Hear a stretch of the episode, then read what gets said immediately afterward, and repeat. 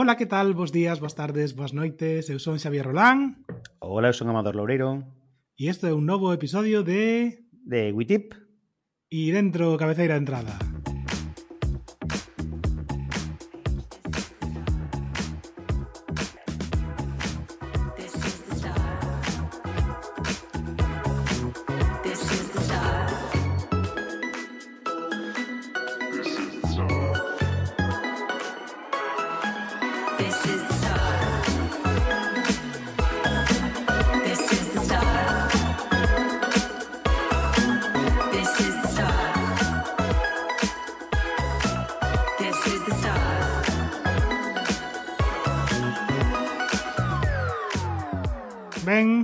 Amador, eh, non sei xa como apezar este podcast porque foi unha pena non ter grabado pre-podcast que sempre temos unha conversa moi moi moi amena, moi distendida. Un día imos ter que gravalos así sin querer. Eh, vamos a colgalos como como capítulos eh, non sei se especiais ou previa suscripción sen ter que cobrar, obviamente.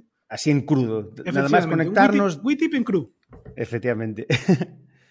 sí, pois pues é verdade. Porque estábamos falando de, bueno, empezamos a falar de, de videoxogos e iso, pero bueno, non sei se che apetece falar de outras cousas, porque bueno, no último newsletter falabas de productividade e ne comentáramos todo o día, ah, pois pues podíamos falar de alguma cousa destas ou Sí, sí, sí, a min o da, o da productividade é un tema que me que me que me leva moito tempo, vale, a pesar de, de que isto sexa unha contradición en si sí, en si sí mesma. De feito, mira, casi deberíamos empezar eh, un pouco, vale, que se note un poquinho a miña vena académica, non?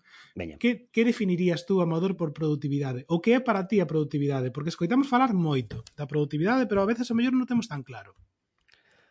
Uf, pois, pois ahora mía pillasme completamente co pé cambiado, porque non, a verdad que non reflexionei moito e seguro que hai un concepto oficial definido sobre que é a productividade. Para min, o que é, digamos, eh, en unha, mellor nunha linguaxe así coloquial, é sacar as castañas do lume dunha forma eficiente ou de facer as cousas eh, que normalmente pois, poden ser tediosas, repetitivas ou de longa duración no tempo pois, dunha, dun xeito pois, un pouco máis eh, eh, pois, ou automatizado ou simplificado ou de forma que non che consuma tempo real para outras actividades que, ao mellor, pois, teñan un componente moito máis creativo e, e e productivo no seu sentido.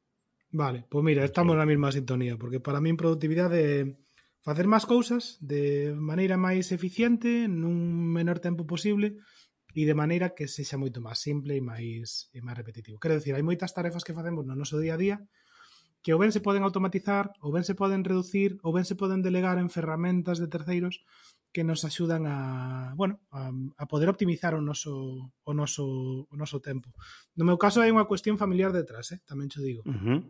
Quero decir, o feito de, de, de ter familia e ter que dedicar con gusto máis tempo, obviamente, uh -huh. obrígame moitas veces a ter menos tempo do que eu quixera para, para traballar.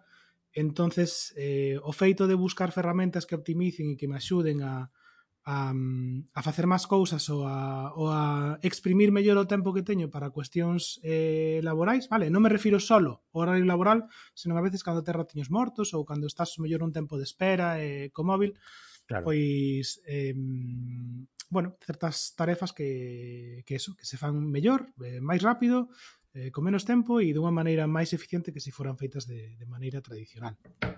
E, e que o mellor, ademais, eh, non che apetece facer de forma xeral. Porque estaba pensando agora, por exemplo, en calcetar. Calcetar é unha cuestión que leva moito tempo, é tedioso e é repetitivo e podes automatizar. Pero ten un gusto particular tamén. Quero dicir, un pasao ben calcetando, é dicir, non o digo por mí mesmo, que non sei calcetar, desafortunadamente, pero quero dicir, poño este exemplo como algo que, bueno, pues ás veces a produtividade tamén depende do que un lle apeteza facer e do que non, e do que un considere eh, que no que quere gastar o seu tempo. Efectivamente, temos 24 horas claro. cada día. É que aí se entran quizás un pouco en conflicto que sería o tempo de ocio, ¿no? por, por así decirlo. Claro. Para min a optimización do tempo de ocio xa non é produtividade, senón a veces joder, a veces hasta disfruto cando me quedo coa vista fixa nun punto, descansando a vista e quedo uns minutos e xente me dice, pero a ver, volve, non, non, estou aquí, o que pasa é que estou descansando a vista e A mí eso reláxame, Inés. Está claro. Cando, a mellor, tes, pasas todo o día pues, de mirando unha pantalla ou mirando papéis, mirando, lendo libros, pois pues, ás veces non facer nada e mirar o horizonte sen ningún sentido e, e ver pasar o tempo así, pois pues, tamén relaxa. E últimamente estou me tomando bastante en serio cando teño períodos de, de vacación de, de desconectar, desconectar realmente. Desconexión de pantallas, non? E non facer e non facer nada, efectivamente.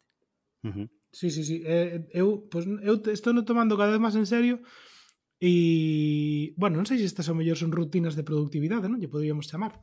Uh -huh. Pero, por exemplo, chega un momento un momento do día no que xa non non é só que xa non teña notificacións excepto WhatsApp no móvil, senón que deixo de, de atender o móvil. Es decir, a min entra un WhatsApp ás da noite e non o leo hasta o día seguinte. Se si é algo suficientemente urxente e importante, pois pues chámasme, e xa está. Non? Eu incluso, ainda que me chames, Eu incluso ainda que me chames, posiblemente non che conteste, porque teño completamente bloqueado, está insonorizado, non vibra, non fai sonidos, non emite luces, está completamente, é dicir, non está apagado para que almacene información e o día seguinte pois xa veremos que pasou, pero efectivamente, para o día se, si foi moi importante, se si está ben, sigue estando ben, e se si estaba mal, pois xa estaba mal, é igual, sí, o sea, punto, non hai non hai volta de follas, algo que se chama cosa moi urxente da que estás pendiente, pois mira, mm, Xa. No, eu creo que é algo que deberíamos facer todos, eh, é dedicarlle uns minutos a, a configurar esas opcións que temos nos, nos trebellos de, de tempo de ocio, descanso ou, ou de non molestar. Vale, igual que está o modo conducción tamén, eh, uh -huh. pois configurar un modo de, de non molestar a determinadas horas ou, ou un modo concentración, creo que lle chaman tamén uh -huh. tamén agora. O de non de modo de non molestar. Eh, eh eu mellor antes xa incluso eh, facer a reflexión, como estamos facendo agora, de sentarse, eh, ver o que un pensa que é importante nas súas tarefas diarias, eh, valorar en que quere perder o seu tempo e no, e no que non, e, e contemplar esas opcións. Decidimos hoxe en día que están eses... Eh, ese, ese déficit de atención por un lado e o medo a sentirse fora polo, polo outro e estamos sobrepasados por, por, por unha cantidad de, inxente de impulsos e de e de actividades externas que nos atacan, por decirlo así, o mellor oye, hai que sentarse e dicir, bueno, pues, mm, hai que reflexionar un pouco e, e deixar de, de, de prestar atención a toda esa cantidad de, de, de notificacións que chegan desde, desde fora. E despois, pues, aplicar pues, as técnicas que temos, as ferramentas que temos para simplificar ainda máis esa, esa tarefa. Pois pues mira, xa que falas desta, Apador, casi, eu case comezaría falando da que me parece a peor ferramenta de produtividade e a que debemos eh, manexar con máis cuidado porque non podemos librarnos dela, que é o correo uh -huh. electrónico. Podgalego. Podgalego.agora.gal Oh, ah, eu sabía que era punto. A ver, veña, dicímolo outra vez. Podgalego. Podgalego. Podgalego. Podgalego. Podgalego. Podgalego.agora.gal No, outra vez, outra vez, outra vez que non está, non está grande agora. Moita xente facendo cousas moi interesantes que está comunicando en galego podgalego.agora.gal O correo electrónico é unha ferramenta terrible, terrible. Eu creo que Eu son superfan. A min encanta o correo, pero creo que xestionamos moi mal. Ah, bueno, porque non somos claro. capaces de distinguir entre urxente e importante. Uh -huh. Uh -huh. Entonces, vale. igual igual teríamos que decir, vamos a fixar unha serie de horas nas que non vamos a recibir notificacións de correo electrónico. Uh -huh. Quero dicir, tú podes arrancar a tua xornada laboral consultando o correo, vale? Pero non tes por que estar pendiente do correo porque che está quitando de facer outras cousas que poden ser máis importantes. Entonces, hai de, de, lembro que, é que non me acordo agora quen, quen era. Igual hasta mellor era Enrique Dans, eh? Uh -huh. Ojo, cuidado que vou a recomendar a Enrique Dans neste podcast. eh, con cariño, eh, Enrique, si nos escoitas, que no. Pero creo que decía que unha boa técnica de productividade con respecto ao correo electrónico era consultalo a primeira da mañá E despois uh -huh. a última, vale? Pero fixase uh -huh. unha serie de horas nas que, bueno, vamos a, a tratar de, de producir, vale, e non estar pendentes do, do correo. E eu sí que recoñezo que o meu correo quítame moito tempo, vale? E trato de xestionalo mellor porque, a ver, non sei no teu caso, pero eu recibo uns fácil, fácil, entre 30 e 50 correos ao día. Que non claro, sean spam ni newsletter, quero decir.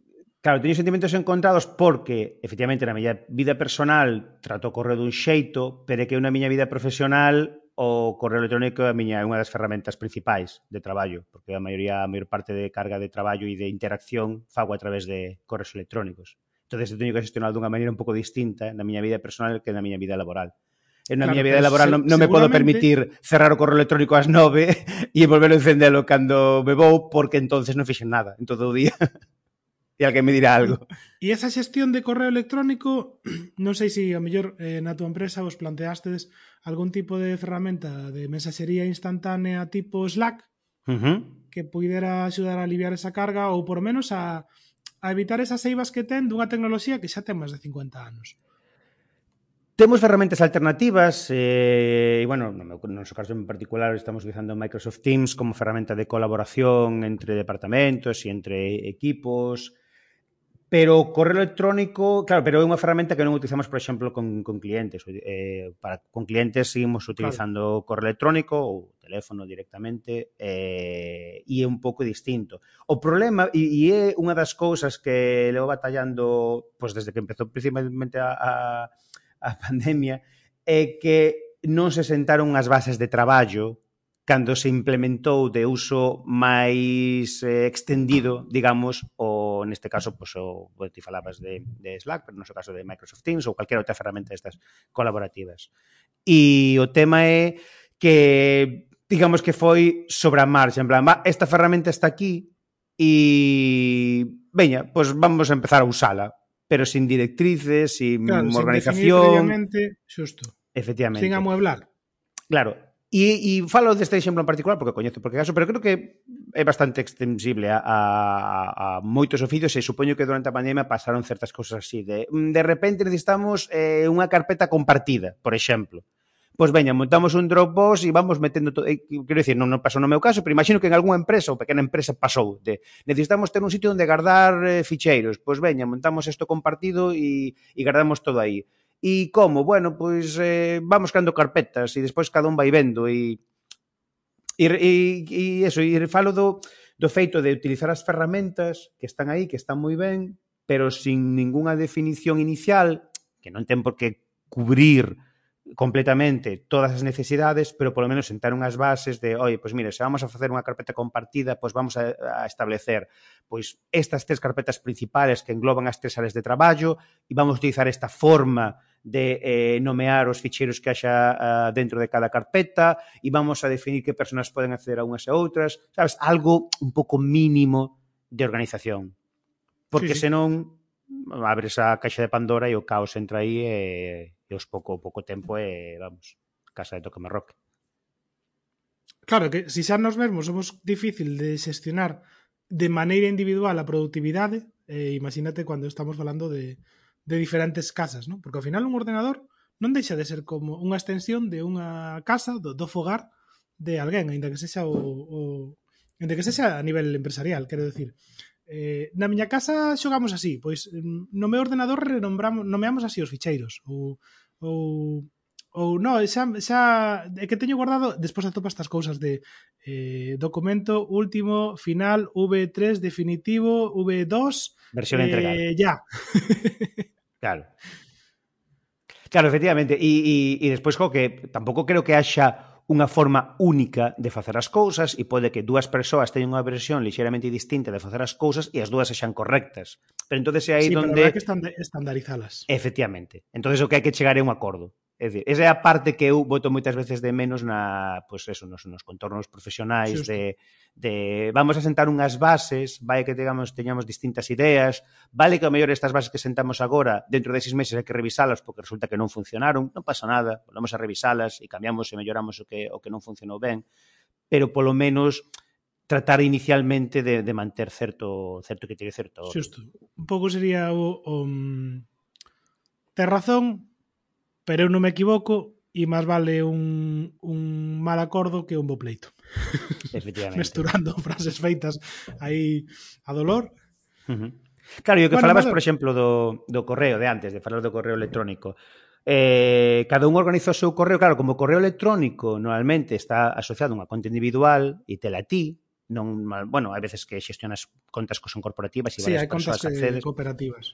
Efectivamente, aí sí que tens que chegar a un acordo. Despois no, no personal, cada persoa é un mundo, organízase como quere e despois pasan as cousas que, que pasan, como todos os correos na, na, na caixa de, de entrada e tes 10.000 correos na caixa de, de entrada, non tes cartafois, non tes filtros, non tes etiquetas, sí. non tes bueno, ningún regla ninguna. Ver, eu teño un problema co correo, eh, non sei se o mellor os e as nosas ointes eh, se sentirían identificadas. Uh -huh. eh, eu utilizo o correo de Gmail. Eh, o sea, uh -huh. odio Google, pero ao mesmo tempo amo a Google, porque fai cousas moi boas, non? Entón, uh -huh. utilizo o correo de Gmail, de, teño o correo de traballo redirixido a, a Gmail, porque Gmail ten un filtro de spam moi bo, e porque uh -huh. me gusta moito como reordena as cousas na súa caixa de, en, en promocións, en notificacións, o que é importante, mm, sabes, eh, separa moi ben.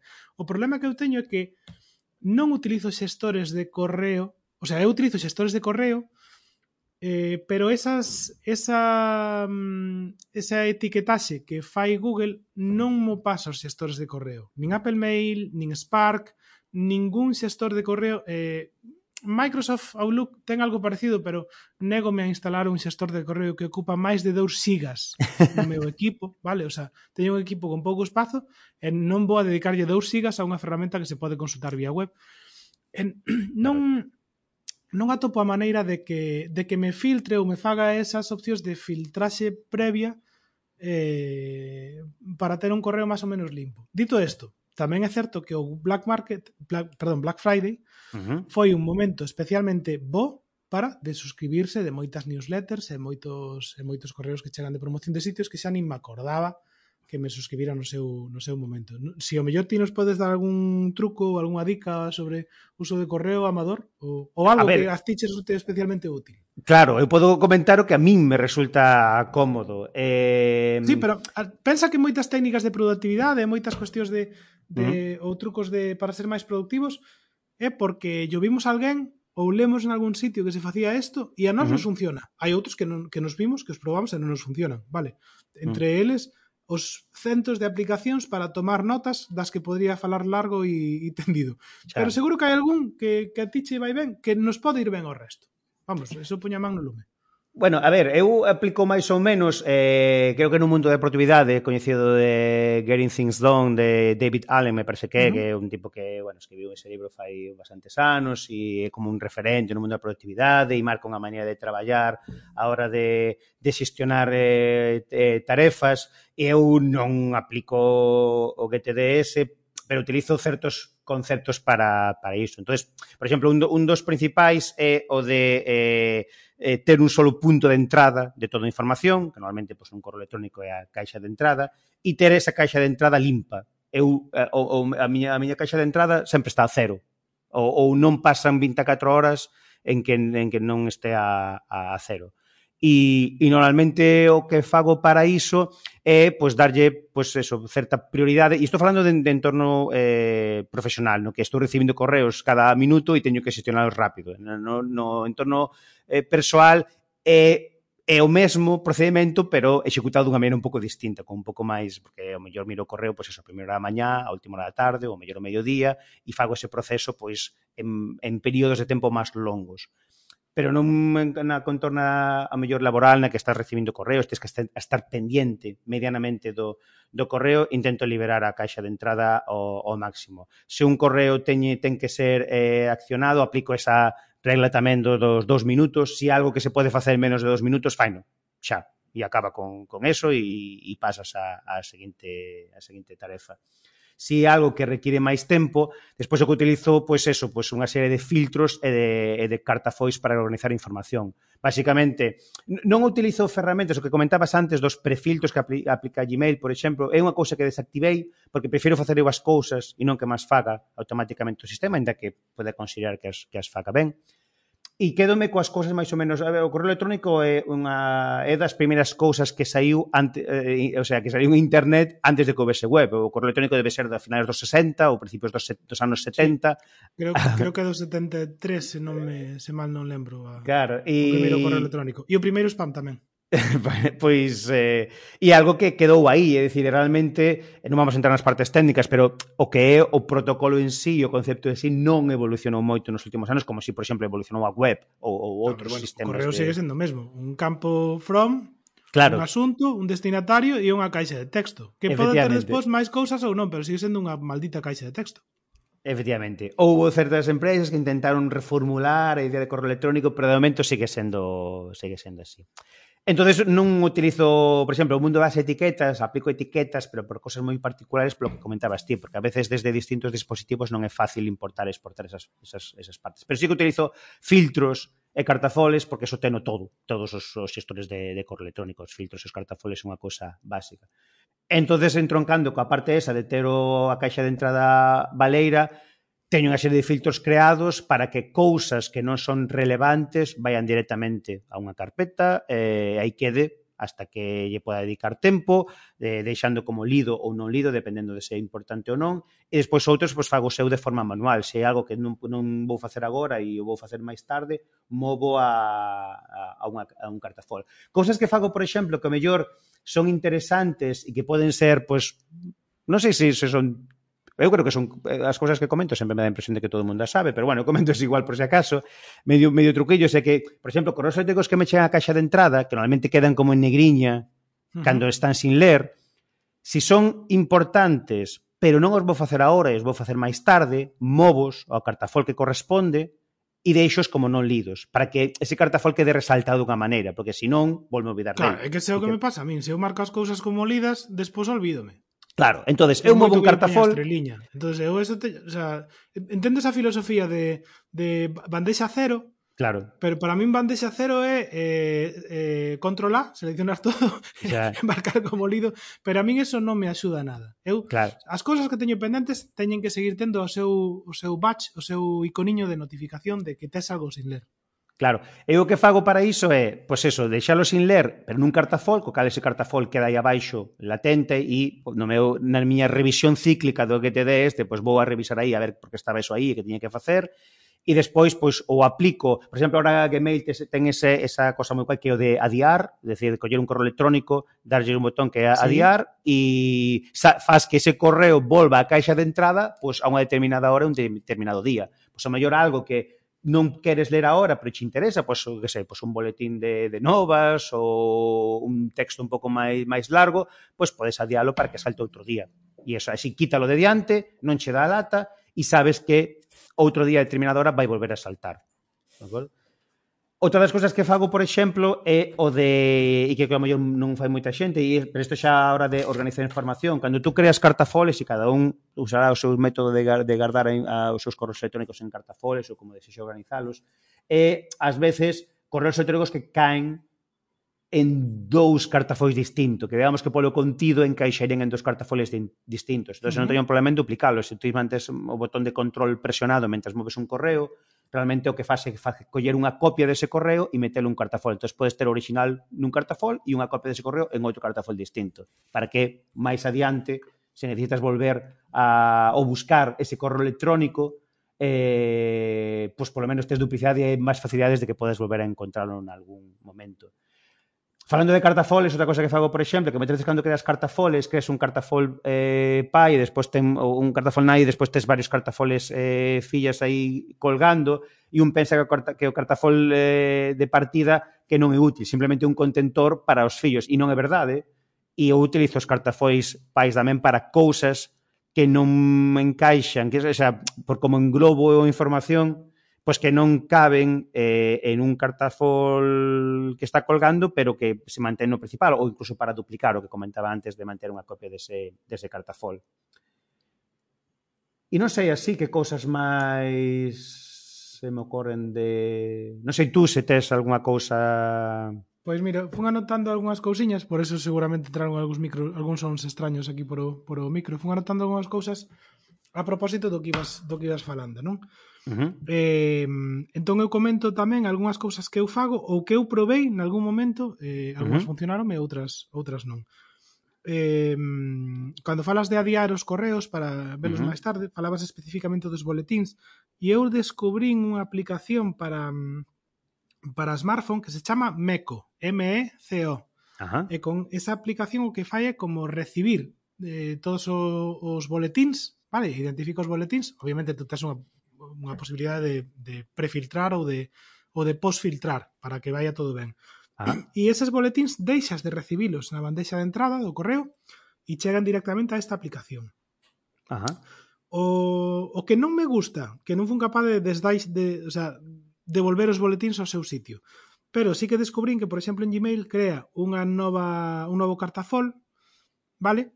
e vai todo para ese cartafol e entonces podes identificar o cartafol e movelo para, para outra posición máis visible no momento no que queres deixar de, de utilizar Meco. Bueno, aí está, aí queda esta, esta uh -huh. aplicación por si, bueno, hai xente que que non ten un enderezo de correo específico para boletins, non? Pois, uh -huh. pois o mellor isto pode, pode servirlle. E falabas tamén do de, de, de adiar correos xenéricos ou, ou non uh -huh. de non de corte publicitario, uh -huh. ver correos noutro momento do día, E lembreime dunha cousa que eu si fago a miúdo, que é o de enviar correos a outra hora do día. Ajá. Vale, e isto fago moito, por exemplo, os venres. Porque a min moléstame moitísimo recibir correos de traballo fora do meu horario laboral. Aviso a navegantes. Sí, sí, aviso navegantes e, e de feito é algo que xa lles aviso, os, por exemplo, os, o, o alumnado xa lle aviso do primeiro día de clase. Mira, podedesme enviar un correo contactar comigo cando que irades. Ahora, eu vou a ler os correos e contestalos no meu horario laboral, vale? Uh -huh, entón, correcto. se alguén me manda un correo un sábado, que non espere resposta todo lunes. Uh -huh. Vale? E, se, e, e, e son bastante bastante estricto con esta con esta norma. Entonces, como a mí non me gusta recibir os correos fora do horario de traballo. Eh, sí que é certo que eu hai momentos do fin de semana nos que sí que me poño co ordenador. Vale, uh -huh. pois a veces é cando mellor algún dos nenos está dormindo a siesta ou a veces por a noite desvelome e collo un poquinho o ordenador. E o que fago é eh, redactar o correo, pero programalo para que se envíe o luns ás 9 da mañá. Vale, uh -huh. De repente o lunes ás 9 da mañá pois salen cinco ou seis ou sete correos, vale, ou, os que sexan, pero por lo menos non molestas a xente, porque se algo, insisto, se algo suficientemente urxente e importante, colles e chamas. Correcto. Vale. E se non, se se pode consultar ou ver, xa o verán noutro momento do día, pois se xa o lerán, manda o xa para un momento no que non moleste cando se poda enviar, vale? Además que se pero saben bueno. que respondes un correo un sábado ás 3 da mañá, van decir, bueno, este respóndeme en calquera momento, bueno, seguir abusando.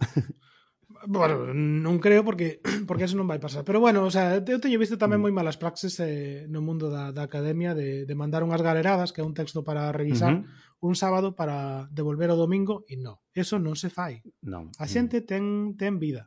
Efectivamente. Punto. Eh. E se, non, sí, sí. se tú non tes vida, pois pues, é o teu problema, vale? Pero non é o dos demais. Forma parte da ética laboral e do comportamento profesional en entornos de eh, traballo. Efectivamente, efectivamente. E, e hai que empezarse a cortar estas cousas, porque o feito de que sexan ferramentas que posibilitan a sincronicidade non quere decir que teñamos que utilizalas sempre de forma síncrona. Vale, e eu digo yo tamén a xente que, que, que utiliza o WhatsApp de, de xeito profesional está ben, vale, é unha ferramenta que temos todo o mundo, entonces está ben que podamos utilizala.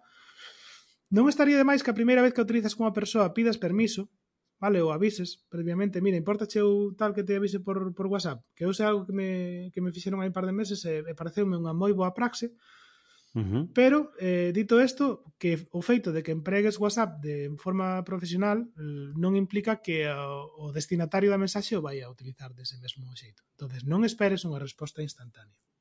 E o mismo, por exemplo, para as notas de audio. Eu, señor maior, vale? Xavi, uh -huh. señor maior. eh, Xavi, señor maior, ten unha cruzada terrible contra as notas de audio de WhatsApp. Xa sei que ahora mismo se poden escoitar a, a diferentes velocidades, e poñelas máis rápido, pero as notas de audio de WhatsApp non sempre se poden consumir cando un quere, porque non sempre estás só. Claro. Que é moi molesto, vale, reproducir notas de, de audio cando, cando non estás só ou, ou porque o mellor tes moito barullo e non podes escoitalas. Entón, creo que hai unha ferramenta moi boa, a pesar de que non é boa para os galegofalantes, uh -huh. se dominas outra lingua tipo inglés ou tipo castelán, que son as a, a transcripción do audio a texto, que funciona moi ben, moi moi ben en WhatsApp, vale? Ajá. Entón, en vez de enviar unha nota de voz, por favor, enviade unha transcripción de, de, de nota, vale? En formato eh, texto, porque además o tempo que, te, que utilizamos para a comprensión da mensaxe eh, textual é moi inferior ou sensiblemente inferior o tempo que nos empregamos en escutar unha nota e procesala. entonces ainda que só sea por deferencia o teu interlocutor, por favor, notas de voz, non. Vale. E aquí queda este meu este este meu alegato de odio contra, contra esta tecnoloxía de notas de audio que xa o veredes, pero estamos a un paso de descubrir as chamadas. pero é verdade, tens moita razón e eu que eh, estou moi sesionado co de xestionar a información, as notas de voz de momento non son bueno, vou dicir indexables eh, no sentido de que, é dicir, eh, se alguén che manda un dato que está nunha nota de voz, busca tú despois Onde estaba ese dato? E se tes eh, 15 mensaxes de audio, pois acórdate ti de que día che mandou e cal era e busca aí dentro en un audio de 5 minutos en que momento decía o número de teléfono desa de persona que tens que chamar. Mía, un audio de 5 minutos é un podcast, eh? sí, a verdade que sí. Non é unha nota de voz. Eh, eu coñezo casos próximos, moi próximos, nos que sí, non no, datos entendo, un abogado. Son, son consciente de que as novas xeracións utilizan moito máis as, as notas de voz e, e comprendo que lle sexa cómodo. Pero claro, é o que ti dis tamén, indexar esa información Agora mesmo, agora mesmo o WhatsApp non o ten. O sea, é certo uh -huh. que se podría facer, vale, porque xa existen eses procesadores de, de, de voz, vale, e por uh -huh. eso, de feito, están tan avanzados os asistentes de voz, pero sigue sendo algo que exixe moitos recursos a un trebello un trebello portátil. Claro, estou a favor da nota de voz, por exemplo, cando non requires resposta e simplemente é unha mensaxe informativa. Se simplemente mandas, hola, pois pues, moi estou ben, hoxe fun dar un paseo, choveu un pouco e nada, claro, e xa se lleve... Claro, sí, efectivamente. E non esperas resposta, non é nada, é simplemente pois eso, informativo, pois como que han dado parte das, da, da, do tempo, pois, pois vale, pois perfecto, queda aí, xa escoitarei e perfecto como que escoita a radio. Se si pretendes manter unha conversación, non é a ferramenta máis eficiente ou máis productiva. Xa que estamos nisso. Bueno, estou pensando, Amador, sabes que igual, se me acaba o igual se me acaba batería, vale, entonces Ujú. cando se acaba batería acabo o podcast, vale? Porque queda Eh, un 10% o ordenador. Pero mira, sen que sirva de precedente, podemos intentar facer un podcast, mira, porque xa levamos media hora e xa vai ben. Ah, pero, pero, é media hora que aínda, aínda nin, nin empezamos a falar de, de aplicacións propiamente ditas, senón de consellos do correo electrónico. Eh? Bueno, é que eu, eh, xa che dixen antes, eu non estou moi a favor das aplicacións, estou máis a favor de, de dos procesos, das maneiras sí. de facer as cousas. Tío, o que pasa é que hai certos procesos, Amador, que ao final acabas tirando de aplicacións. Quero decir, eh, é unha tarefa que fago moito, moito, e sobre todo co móvil, eh, aproveitando tempos mortos ou momentos nos que, bueno, realmente podo compatibilizar pantallas ou, ou vida e pantalla. Ajá. En facer búsquedas de algo, ai, pois pues acórdome de algo que tiña que buscar eh, esta cuestión en, en, en un buscador, vale? Uh -huh. Eh, Para non falar de Google especificamente, pero bueno, en Google. Ahora xa non buscar algo en Google, xa o dixen, vale? xa falemos de Google tres veces hoxe neste podcast. Product placement. Product placement de Google a tope, xusto. eh, atopeino Como fas para gardalo? Vale, eh, que eu teño eh, probado uh -huh. moitas cousas. Unha, envíome a unha o link a min mesmo a través de Telegram, que por exemplo, este é o que eu fago para a newsletter. Cando leo algunha noticia interesante, o que fago é, va, envíome a min mesmo a través de, de Telegram. Que pasa? Que Telegram ao final acaba sendo un, un caixón desastre de, de todo isto. entonces eu estou probando agora, o sea, traballo moito coas notas de Apple, vale? Que, que están ben, porque como son multidispositivo, pois pues son moi cómodas. Estou probando agora unha ferramenta da que seguramente escoitases falar, que, que está super de moda con todo este entorno macro colaborativo, que é Notion. Uh -huh. E eso, como, como teñen un plan pro gratis para, para o mundo o entorno educativo, uh -huh. pois estou probando a ver que tal que tal funciona, enviar máis cousas aí, guardar... De momento estou probando como repositorios de e para e para cousas colaborativos de algún cursiño que estou que estou dando. Eh, bueno, estou con eso, pero pero insisto, non é unha solución perfecta. A mí me gustaría ter un sistema que cando eu envío un enlace automáticamente se etiquete en determinadas categorías. Pues esto para la newsletter, o esto para las cosas de esta asignatura, o esto para este para rollos personales de Xavi. Pagaría, claro. eh, por ese por ese algoritmo de recomendación afinado para min que sei que os hai, por exemplo, para noticias, Uh -huh. eh, deixei de consumir moitas noticias porque confío moito nos, nos algoritmos de recomendación e gustame moito, por exemplo, que fai Refind Ajá. que atopar enlaces de cousas que che poden interesar moitas das cousas que comparto na newsletter veñen de Refind Refin, uh -huh. en, en español, por se queredes probalo uh -huh. eh, e ese, igual que hai ese algoritmo que funciona moi moi ben pois un algoritmo como ese ou como o de TikTok, vale? pero para que me autoclasifique as miñas movidas que atopo en, en Google. Teño, por claro. exemplo, mira, falando destas cousas de como guardar enlaces, teño un grupo de WhatsApp compartido coa miña muller, uh -huh. no que só estamos os dous. Ese grupo chamase Guardados. E ese é o que ela utiliza para guardar os, os links de todo o que atopa. De feito, estou por marchar do grupo porque só o utiliza ele. E é unha... No, pero eh, que fagas un grupo con outra persona e despois a botes sirve para poder facer ese caixón de mensaxes guardadas que ten Telegram, pero que non ten WhatsApp. Uh -huh. Entón, claro. é unha, un pequeno truco, non é unha ferramenta, pero sí que é un truco que ao mellor vos pode axudar eh, con vistas a, a low productividade. Mira, estaba me acordando ahora mentres falabas e, e buah, eu creo que, bueno, a, a xente que teña máis ou menos ande na nosa idade, pois pues, lembrará. Estaba acordando de Delicious. Oh, non sei se te acordas. Oh, este que me acordo de Delicious, como que pá, que, que, que sería del, que sería de Delicious, non sei se existe ainda ese nome. Eh, está, porque creo que está, creo que está enterrado ao lado de Yahoo. Pode, pode estar ao lado de Geocities. eh, pois estaba, no, estaba acordando diso porque pois mira, teño un comportamento completamente distinto na miña vida personal que na miña vida profesional. Na miña vida personal non teño marcadores, por exemplo, nos navegadores. Odio os marcadores, non utilizo marcadores, non lembro nada en, en marcadores. Na miña ah, vida eu, profe... eu utilizo un que despois vou a recomendar. Vale. Pois pues, eh, e na miña vida profesional é o revés. Utilizo un montón de marcadores e a barra esa de favoritos que está no navegador que odio a morte, pois pues, a teño aí tamén, porque necesito ter cousas accesibles preto, moi rápido de localizar, con ligazóns de que necesito compartir con, con, con clientes ou con compañeiros. entonces sí que no mundo profesional utilizo iso.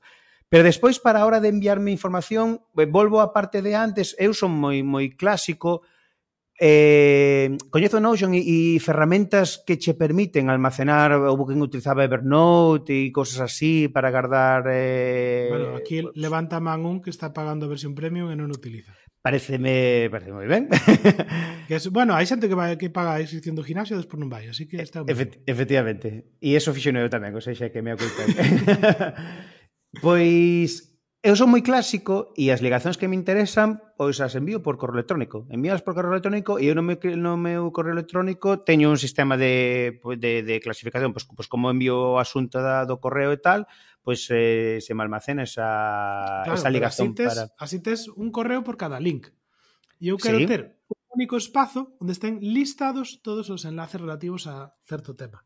Nunca o mirei, pero estou ben seguro que podes sacar un, unha, unha saída dun cartafol de unha conta de correo electrónico, de exportalo en, de algún xeito, conectar iso con IFTT ou algún Uf, outro... Mira, ese, ese tipo de ferramentas de automatización, vale, uh -huh. esas outro, facemos outro podcast, vale, un productividade vale. dos, porque tamén teño probado unhas cuantas eh, e eh, e, creo que é importante que todos eh, a nivel usuario mmm, sexamos conscientes dos fluxos de traballo e de como de como se poden utilizar estas ferramentas, porque sirven para todo. Uh -huh. Sí, sí, son eh, a navalla suiza total de... A parte como ah, agora sí. todos os servizos web normalmente teñen unha API aberta que permite interaccionar con servizos externos, é tan sinxelo sí, sí. como linkar dúas contas e establecer que facer entre elas. Pois pues mira, Amador, falabas de... E quizás esta vai a ser a miña última recomendación. Vale? Uh -huh. eh, digo, por, por do de obligarnos a facer un podcast menos menos Quijote. Ajá. Eh, estou utilizando moito Edge como navegador, Microsoft Edge, eh, Microsoft Edge, vale? Para, uh -huh. para os que mm, non entendestes a miña pronuncia. Ajá. Eh, utilizo moito porque porque utilizo o motor de Chrome sen o consumo de RAM de Chrome, vai moi ben, moi lixeiriño e despois ten algunhas ferramentas que me parecen moi útiles. Entre elas, a que vos quería comentar agora, as coleccións. Uh -huh. Vale, ten un sistema de, de coleccións que en realidade son grupos de enlaces tipo favoritos, entonces tú puedes marcar como pequeñas carpetas con diferentes elementos que son enlaces que tú vas agrupando. Y esos enlaces además puedes ponerle, eh, anexarle pequeñas notas.